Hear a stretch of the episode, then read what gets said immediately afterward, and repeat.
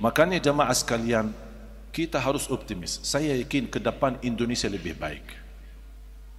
Siapapun presiden kita, saya yakin dan percaya Indonesia insya Allah lebih baik. Bukan karena presidennya, bukan karena pemerintahannya, tetapi karena niat baik kita. Niat yang tulus bersama Al-Quran akan Allah turunkan pertolongannya. Itu saja syaratnya. Mau enggak Allah tolong Indonesia? Mau Allah jadikan Indonesia baldatun tayyibatun rabbun ghafur? Mau jadikan Indonesia terangkat penderitaan, kemiskinan dan permasalahan ekonomi, permasalahan politik, permasalahan sosial, permasalahan di pendidikan, permasalahan kesihatan. Tidak ada sistem yang tersempurna yang bisa menyelesaikan semua masalah kecuali sistem Al-Quran. Bagaimana? Dekatlah sama Al-Quran. Cintailah Al-Quran. Berakhlak akhlak Al-Quran. Akan Allah segera turunkan pertolongannya untuk Indonesia. Jangankan Indonesia yang menjadi jumlah terbesar sedunia penduduk Islam. Turki, negara sekuler, ratusan tahun melawan Islam. Tidak boleh kumandan azan dalam bahasa Arab. Tidak boleh belajar bahasa Arab. Tidak boleh belajar agama. Tidak diizinkan buka pesantren. Tidak ada rumah tahfiz. Itu semua dilarang. Siapapun yang dipertemukan untuk belajar Al-Quran langsung ditangkap masuk penjara. Sekian tahun melawan Islam. Begitu Allah Subhanahu taala rubahkan kondisi dan keadaan di Turki, Allah hadirkan seorang presiden yang indah dan merdu suara bacaan Al-Quran, Erdogan. Buka di YouTube, Presiden Turki Erdogan baca Quran. Subhanallah indah suaranya. Mesir yang istilahnya negara ulama, negara ulama Al-Azhar, negara melahirkan banyak penhafal Al-Quran. Tapi sepanjang sejarah itu belum terwujud presiden penhafal Al-Quran sampai Allah wujudkan dalam demokrasi dalam terjadi pemilu yang sangat luar biasa bersih Allah menghadirkan seorang presiden walaupun hanya sebentar baru terjadi permusuhan yang luar biasa dan tantangan. Muhammad Mursi menjadi presiden. Penghafal Al-Quran dan dia berimam salat Idul Fitri bersama masyarakat. Itu luar biasa. Walaupun dia sudah mati syahid mudah-mudahan diterima di sisi Allah sebagai syahid. Intinya kalau kita ada niat wallahi terwujud Masa kita kalah sama negara sekuler Turki? Kita negara terbesar penduduk Islam. Ya, hanya minta saya berharap cuma satu. Mau enggak Bapak Ibu memperhatikan Al-Quran sepenuhnya mulai hari ini? Paling tidak jangan lewat satu hari tidak baca Quran. Paling tidak mulai harimu dengan baca Al-Quran, tutupi harimu dengan baca Al-Quran. Jangan kita selalu bersama HP bangun tidur pertama yang dilihat HP ketika mau tidur yang terakhir dilihat HP pergi ke mana-mana bawa HP bahkan sekarang ada power bank jadi tidak perlu pusing kita mencari cas. Sakit sudah luar biasa menggunakan HP belum lagi chat habiskan coba tambah kita sadar 5 jam, 6 jam, 7 jam habis waktu bersama HP tidak disadari kehabisan waktu itu. Bisa kehilangan istri tak apa-apa, tapi kehilangan HP stres. Cuba bayangkan. Makanya jemaah sekalian kita perlu memperhatikan. Saya tidak minta bapak ibu tinggalkan HP-nya. Jangan urus lagi HP. Tidak, tetap kita memiliki HP. Tapi tolong disesuaikan bacaan Al-Quran. Mulai harimu dengan baca Al-Quran. Dan tutupi harimu dengan baca Al-Quran. Supaya menjadi di antaranya berkah. Sederhana, satu ayat ayat al-kursi Rasulullah sallallahu alaihi wasallam bersabda Man qara'a ayat al-kursi dubura kulli salatin laysa bainahu wa bainal jannati illa an yamut Barang siapa yang membaca ayat al-kursi setiap habis salat fardu dijamin masuk surga. Ini satu ayat. Satu ayat dapat jaminan masuk surga dibaca setiap habis salat fardu. Contoh, kalau habis salat anda lagi buru-buru, ada rapat, ada meeting, ada janji sama orang, tidak bisa telat. Habis salat, astagfirullah, astagfirullah, astagfirullah, Allahumma antas salam, wa minkas salam. Sampai selesai. Selesai, Allahumma antas salam, baca ayat al-kursi. Habis itu anda pulang. Sambil jalan, subhanallah 33, alhamdulillah 33, Allahu akbar 33, satu kali la ilaha illallah wahdahu la syarikalah, lahul mulku wa lahul hamdu, wa huwa ala kulli syai'in qadir. Sudah selesai zikir kita. Asal habis salat jangan tinggalkan ayat Al-Kursi. Jaminan masuk surga cuma satu ayat. Kalau satu ayat ayat Al-Kursi menjaminkan kita masuk surga, gimana satu surah Al-Baqarah? Gimana 30 juz Al-Quran? Salah satu menjamin keberkahan. Bapa ibu pasti ingin barkah umur, barkah ibadah, barkah rizki, barkah keluarga, barkah keturunan, barkah usaha. Dimanapun kita berada selalu disertai barkah. Mau enggak membawa keberkahan selalu? Amalannya satu, baca suratul Baqarah. Rasulullah SAW bersabda, "Alaikum bi suratil Baqarah, fa inna akhdaha barakah wa tarkuha hasra wa la tastati'uha al-batala." Ambillah suratul Baqarah. Bacalah suratul Baqarah secara rutin sampai selesai. Tidak khatam satu hari dah apa-apa. Lanjut lagi. lagi lanjut lagi besoknya lanjut lagi besoknya sampai khatam begitu khatam ulang lagi kata Rasulullah SAW barang siapa yang membaca suratul Baqarah dia telah membawa keberkahan dan barang siapa yang meninggalkan suratul Baqarah akan nyesal. Mau enggak jadi orang nyesal? Makanya jagalah suratul Baqarah. Baca suratul Baqarah dalam rumahmu. Karena Rasulullah SAW bersabda Al-baitul ladhi tuqra'u fihi suratul Baqarah yafirru syaitanu min. Rumah yang di dalamnya dibacakan suratul Baqarah syaitan bakal lari. Kabur. Tidak kuat bertahan di dalam rumah yang dibacakan dalamnya suratul Baqarah Makanya kalau kita merasa sering berantem di rumah sering berkelahi antara suami istri, sering ribut di, di rumah tangga. Anak kita bawel tidak bisa taati suaminya, tidak bisa taati orang tuanya. Ada masalah antara suami istri, ingat banyak syaitan di rumah. Semua keributan dalam rumah gara-gara banyak syaitan di rumah. Gimana cara obatinya untuk mengusir syaitan? Jangan ke tukang dukun datang. Pak dukun dukun kita bawa orang dukun datang biar dilihat. Ini pak ada. Seperti kemarin saya isi acara habis acara ada satu ibu. Nangis luar biasa. Minta tolong. Apa? Minta tolong. Kenapa? Minta saya mampir ke rumahnya ada apa di rumahnya katanya rumah saya ada hantu. Kata siapa? Ada satu orang. Dia datang ke rumah saya. Makanya saya tidak berani masuk ke rumah itu. Dan setiap saya mau bawa orang dia baca yang dah tahu baca dep, dep, dep, gitu terus dia saya bayar 5 juta kadang 4 juta 3 juta. Habis uang saya. Dan hantu-hantu dah keluar-keluar. Tolong saya minta syekh doakan. Bisa. Saya langsung ke rumah. Kasihan ibu itu ditipu selama ini. Dia bohongi dibodohi. Gara-gara kepercayaan kepada dukun atau ramal atau macam-macam. Saya datangi ke rumahnya. Begitu saya masuk astagfirullahalazim saya sengaja bikin-bikinlah Begitu, astagfirullahaladzim, oi, ada empat, oh lima. Ha. Mohon maaf, karena dia percaya itu, ya saya harus ikutin dia.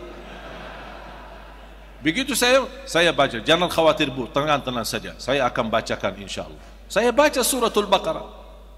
Begitu saya, Alhamdulillah baru mulai keluar. Ini keluar satu. Alhamdulillah bu. Oh ini yang kedua keluar. Ibu Alhamdulillah. Ibu, ah, Alhamdulillah semuanya sudah keluar ibu. Sujud syukur. Benar dah ada lagi. Dah ada lagi bu. Alhamdulillah semenjak itu dia kembali ke rumahnya dan Alhamdulillah nikmat. Setiap dia kesempatan telefon, Alhamdulillah Syekh saya sudah tempati rumah saya. Ibu dah ada lagi hantu? Dah ada lagi. Kan Syekh sudah usir mereka. Oh, maaf, dia percaya begitu, mau bilang apa lagi? Soalnya kadang-kadang ada orang yang tidak suka kita terlalu jujur.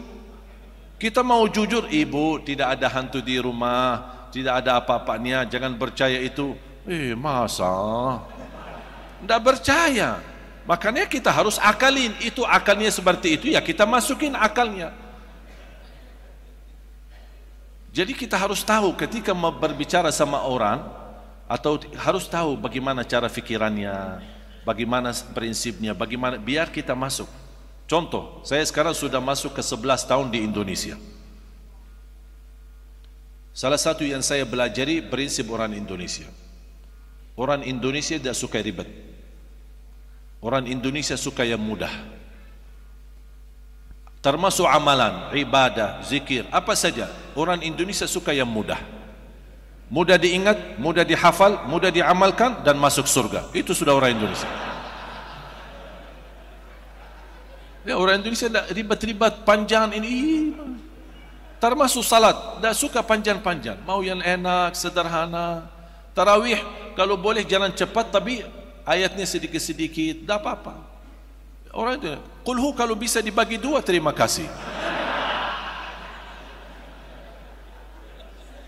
Makanya saya hafal prinsip orang Indonesia. Saya selalu berusaha apa yang saya sampaikan selalu sederhana. Selalu bisa diterima, selalu masuk akal, bisa diamalkan. Termasuk saya buat satu buku 20 amalan ringan tapi pahalanya sangat menakjubkan. Kalau dari segi bisnis kita suka berdagang yang sedikit tapi keuntungan besar. Termasuk sama beribadah harus berfikir dari segi bisnis. Saya mau ibadah yang sederhana tapi pahalanya besar. Makanya saya bikin buku ini. Buku ini tidak laku di Arab tapi laku di Indonesia. Eh, suka ini. Kalau orang Indonesia mau yang muda ya, saya kasih yang muda. Itu bukan prinsip saya, itu prinsip Rasulullah sallallahu alaihi wasallam. Rasul suka selalu membawa kemudahan untuk umatnya. Rasul tidak suka yang beban umatnya. La yukallifullahu nafsan illa Rasul SAW suka memberikan sesuatu yang mudah. Kalau ada dua pilihan, ada yang baik, ada yang mudah, Rasul ambil yang mudah. Padahal ada yang lebih baik, ada yang lebih baik, tapi Rasul tidak mau. Rasul mengambil yang mudah. Kenapa? Untuk memberikan kemudahan buat umatnya. Dan itu prinsip dakwah saya. Dan selalu saya berdoa. Mulai dari pertama kali saya di sini 2008 belum bisa bahasa Indonesia. Saya selalu berdoa, ya Allah tolong berikan kepada aku bahasa yang bisa difahami.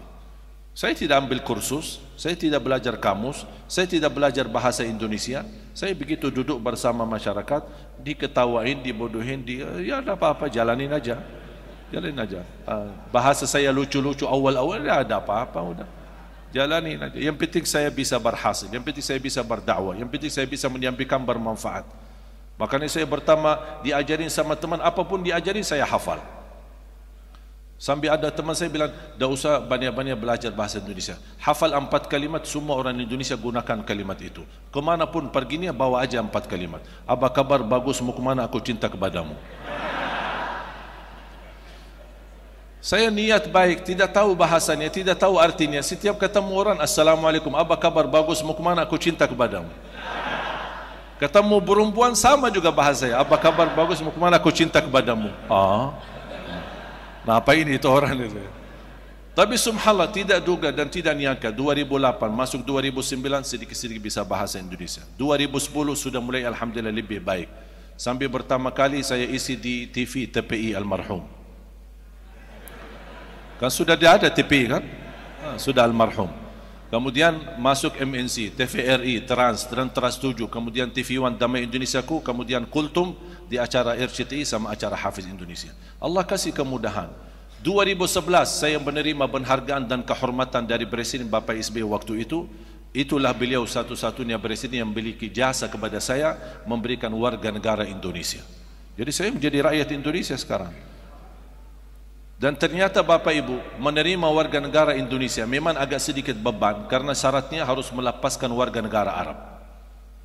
Sama, saya musyawarah sama guru-guru kami di Madinah. Ini syaratnya saya jadi warga negara Indonesia harus lepas warga negara Arab. Bagaimana sarang dan nasihat?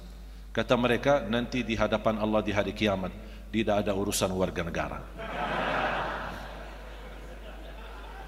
Urusannya di hari kiamat adalah amalan. Allah tidak berduli warga negara siapa, Allah tidak berduli paspor, Allah tidak berduli apa. Allah berduli amalan. Iman amal, iman amal. Makanya kata guru saya bismillah, ambillah warga negara Indonesia. Ternyata ketika mengambil warga negara menjadi lebih beban kewajiban saya untuk Indonesia. Karena saya membawa nama Indonesia, harus menjaga nama baik Indonesia, harus menjaga NKRI Indonesia, harus menjaga kebersamaan dan kebersatuan bendera merah putih dan juga harus menjaga kebersatuan untuk menwujudkan negara Indonesia menjadi negara Al-Quran. Itu menjadi beban bagi saya. Makanya sekarang terus berjuang, terus berjuang. Termasuk pemilu, saya juga ikut pemilu. Memilih pemimpin, memilih anggota DPR, memilih anggota MPR, bagaimana kewajiban dan ini semua menjadi tugas kita bersama, wajib bagi rakyat memberikan. Ini kan suara hak kita. Kita berhak untuk memilih pemimpin kita. Ada perbedaan itu wajar. Ada perbedaan pilihan itu wajar. Tidak masalah. Tapi yang tidak boleh adalah bermusuhan gara-gara perbedaan. Itu yang tidak saya terima. Anda boleh milih A, milih B, milih 01, milih 02 itu hakmu, hak masing-masing. Tetapi yang tidak boleh terjadi permusuhan gara-gara perbedaan pilihan. Sampai terjadi perang saudara sama-sama muslim tapi saling membunuh. Na'udzubillah min zalik. Saya tidak mahu itu terjadi di Indonesia. Makanya kita selalu jamaah sekalian menjaga kebersatuan ternyata ketika saya terima warga negara saya menemukan sejarah. Ternyata Bapak Ibu anugerah saya menjadi warga negara Indonesia Pertama, saya bisa ke Palestina. Karena selama warga negara Arab tidak bisa ke Palestina. Bahkan anugerah yang lebih istimewa lagi, saya diberikan kesempatan menjadi imam salat maghrib dan isya di Masjidul Aqsa. Makanya subhanallah kalau besok-besok Bapak Ibu dengar ada orang Indonesia menimami salat maghrib dan isya di Masjidul Aqsa itu Ali Jabir. Dan ada lagi, mana ada orang Indonesia masuk ke sana salat jadi imam lagi. Kesempatan pertama kali bisa ke Masjidul Aqsa dan pertama kali jadi imam. Alhamdulillah, karunia dari Allah Subhanahu wa taala. Yang kedua saya menemukan sejarah keluarga. Ternyata saya punya darah keluarga di Indonesia.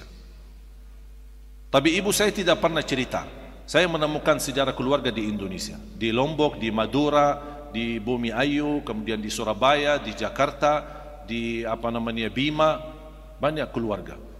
Ternyata ceritanya kak, ayah ayah ibu dan kakek ibu dua-duanya kelahiran Lombok. Kakek ibu saya nikah sama orang Bumi Ayu. Istri yang kedua sama orang Madura. Istri ketiga sama orang Lombok. Belum yang keempat sudah wafat. Bagaimana beliau wafat? Dibunuh sama penjajah Belanda. Karena beliau mampu menyatukan masyarakat Sasak di Lombok untuk melawan penjajah Belanda. Dia membuat penjajahan Belanda pusing sakit kepala. Karena dia orang pemberani, tinggi lagi orangnya. Makanya dibunuh. Dan ada beliau punya makam besar di Ampenan. Makanya ketika saya bertemu Presiden Jokowi saya sampaikan saya sebenarnya cucu pahlawan tapi belum terdaftar.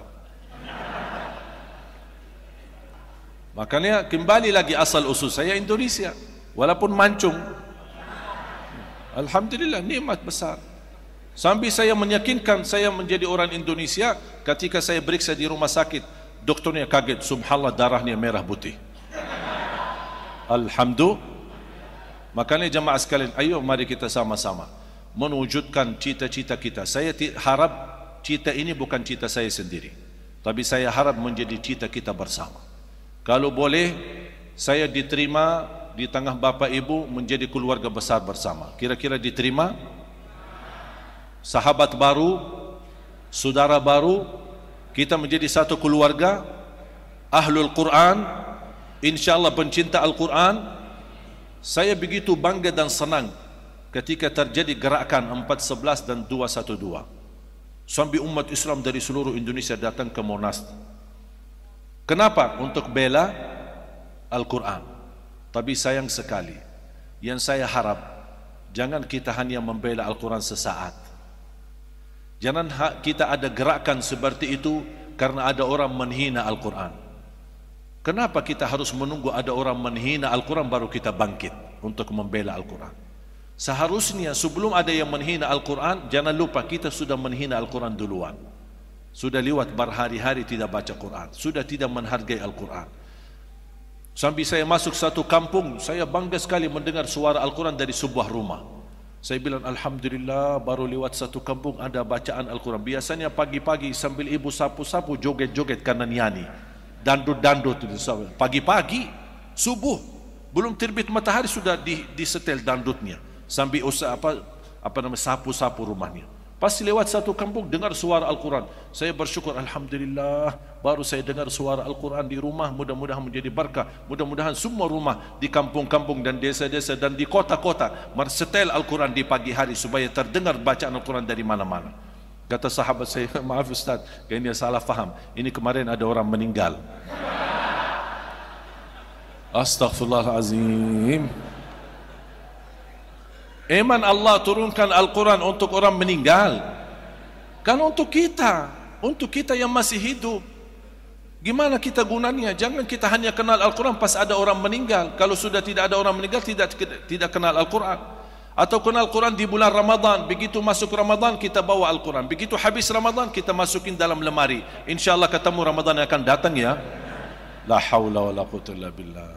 Itulah musibah. Harapan saya ayo mari kita sama-sama. Saya tidak minta Bapak Ibu hafal 30 juz. Saya minta jangan lewat satu hari tidak baca Quran. Walaupun satu halaman walaupun satu ayat buka baca begitu selesai lanjut lagi nanti habis aktivitas. Begitu setiap anda datang ke masjid walaupun tidak sempat salat berjamaah karena sudah berjamaah salat duluan begitu anda selesai salat sendiri. Sebelum keluar dari masjid baca ayat-ayat Al-Quran. Ambillah Al-Quran baca walaupun sebentar 5 minit 10 minit supaya berkah hidup kita berkah rizki kita berkah aktivitas kita. Wallahi jamaah sekalian anda tidak akan sia-sia hidupnya tidak akan terlepas dari keberkahan kalau selama bersama Al-Quran kira-kira siap? Dan kembali saya ingatkan, kalau anda merasa dirinya gagal untuk menjadi penhafal Al-Quran, jangan gagalkan anakmu menjadi penhafal Al-Quran. Kalau itu pun tidak berhasil, jangan gagalkan hartamu menjadi saksi baik untuk Al-Quran. Infak sedekah kita, zakat kita, wakaf kita, semua kita berjuangkan. Masing-masing pasti saya yakin bisa memperjuangkan Al-Quran. Ada yang dari segi tenaganya, ada yang segi ilmunya, ada yang segi fikirannya, ada yang segi fisiknya, ada yang dari segi hartanya, ada yang segi keluarganya, wakafnya apa saja. Ada saja saham walaupun saham sedikit tapi ada saham yang bisa menjadi saksi baik bagi kita semua di hadapan Allah Subhanahu wa taala menjadi orang yang membela dan mencintai Al-Quran agar di datang hari kiamat Allah bangkitkan kita bersama ahlul Quran. Saya doakan semua yang hadir. Mudah-mudahan Allah jadikan semua ahlul Quran. Para pencinta Al-Quran berakhlak akhlakul Quran dan juga selalu senantiasa menjadi penhafal Al-Quran. Ya Allah ya Arhamar Rahimin, atas izinmu kami bersama-sama kumpul di masjid ini. Berilah kepada kami kemuliaan sama-sama bertemu kembali di dalam surgamu ya Allah bersama Nabi Muhammad sallallahu alaihi wasallam dan bersama ahlul Quran. Ya Allah jadikan semua bacaan kami sehari-hari menjadi pahala yang kami titipkan pahala untuk kedua orang tua kami yang menjadi sedekah jariah untuk kami. Ya Allah jadikan segala saham kami, wakaf kami, sedekah kami, zakat kami, infak kami untuk Al-Quran. Jadikan itu sedekah jariah bagi keluarga kami. Amal salih yang tidak terputus pahalanya sampai hari kiamat ya Rabbal Alamin. اغفر لنا ولوالدينا ولجميع المسلمين والمسلمات والمؤمنين والمؤمنات الأحياء منهم والأموات ربنا آتنا في الدنيا حسنة وفي الآخرة حسنة وقنا عذاب النار وصلى الله على سيدنا ونبينا محمد والحمد لله رب العالمين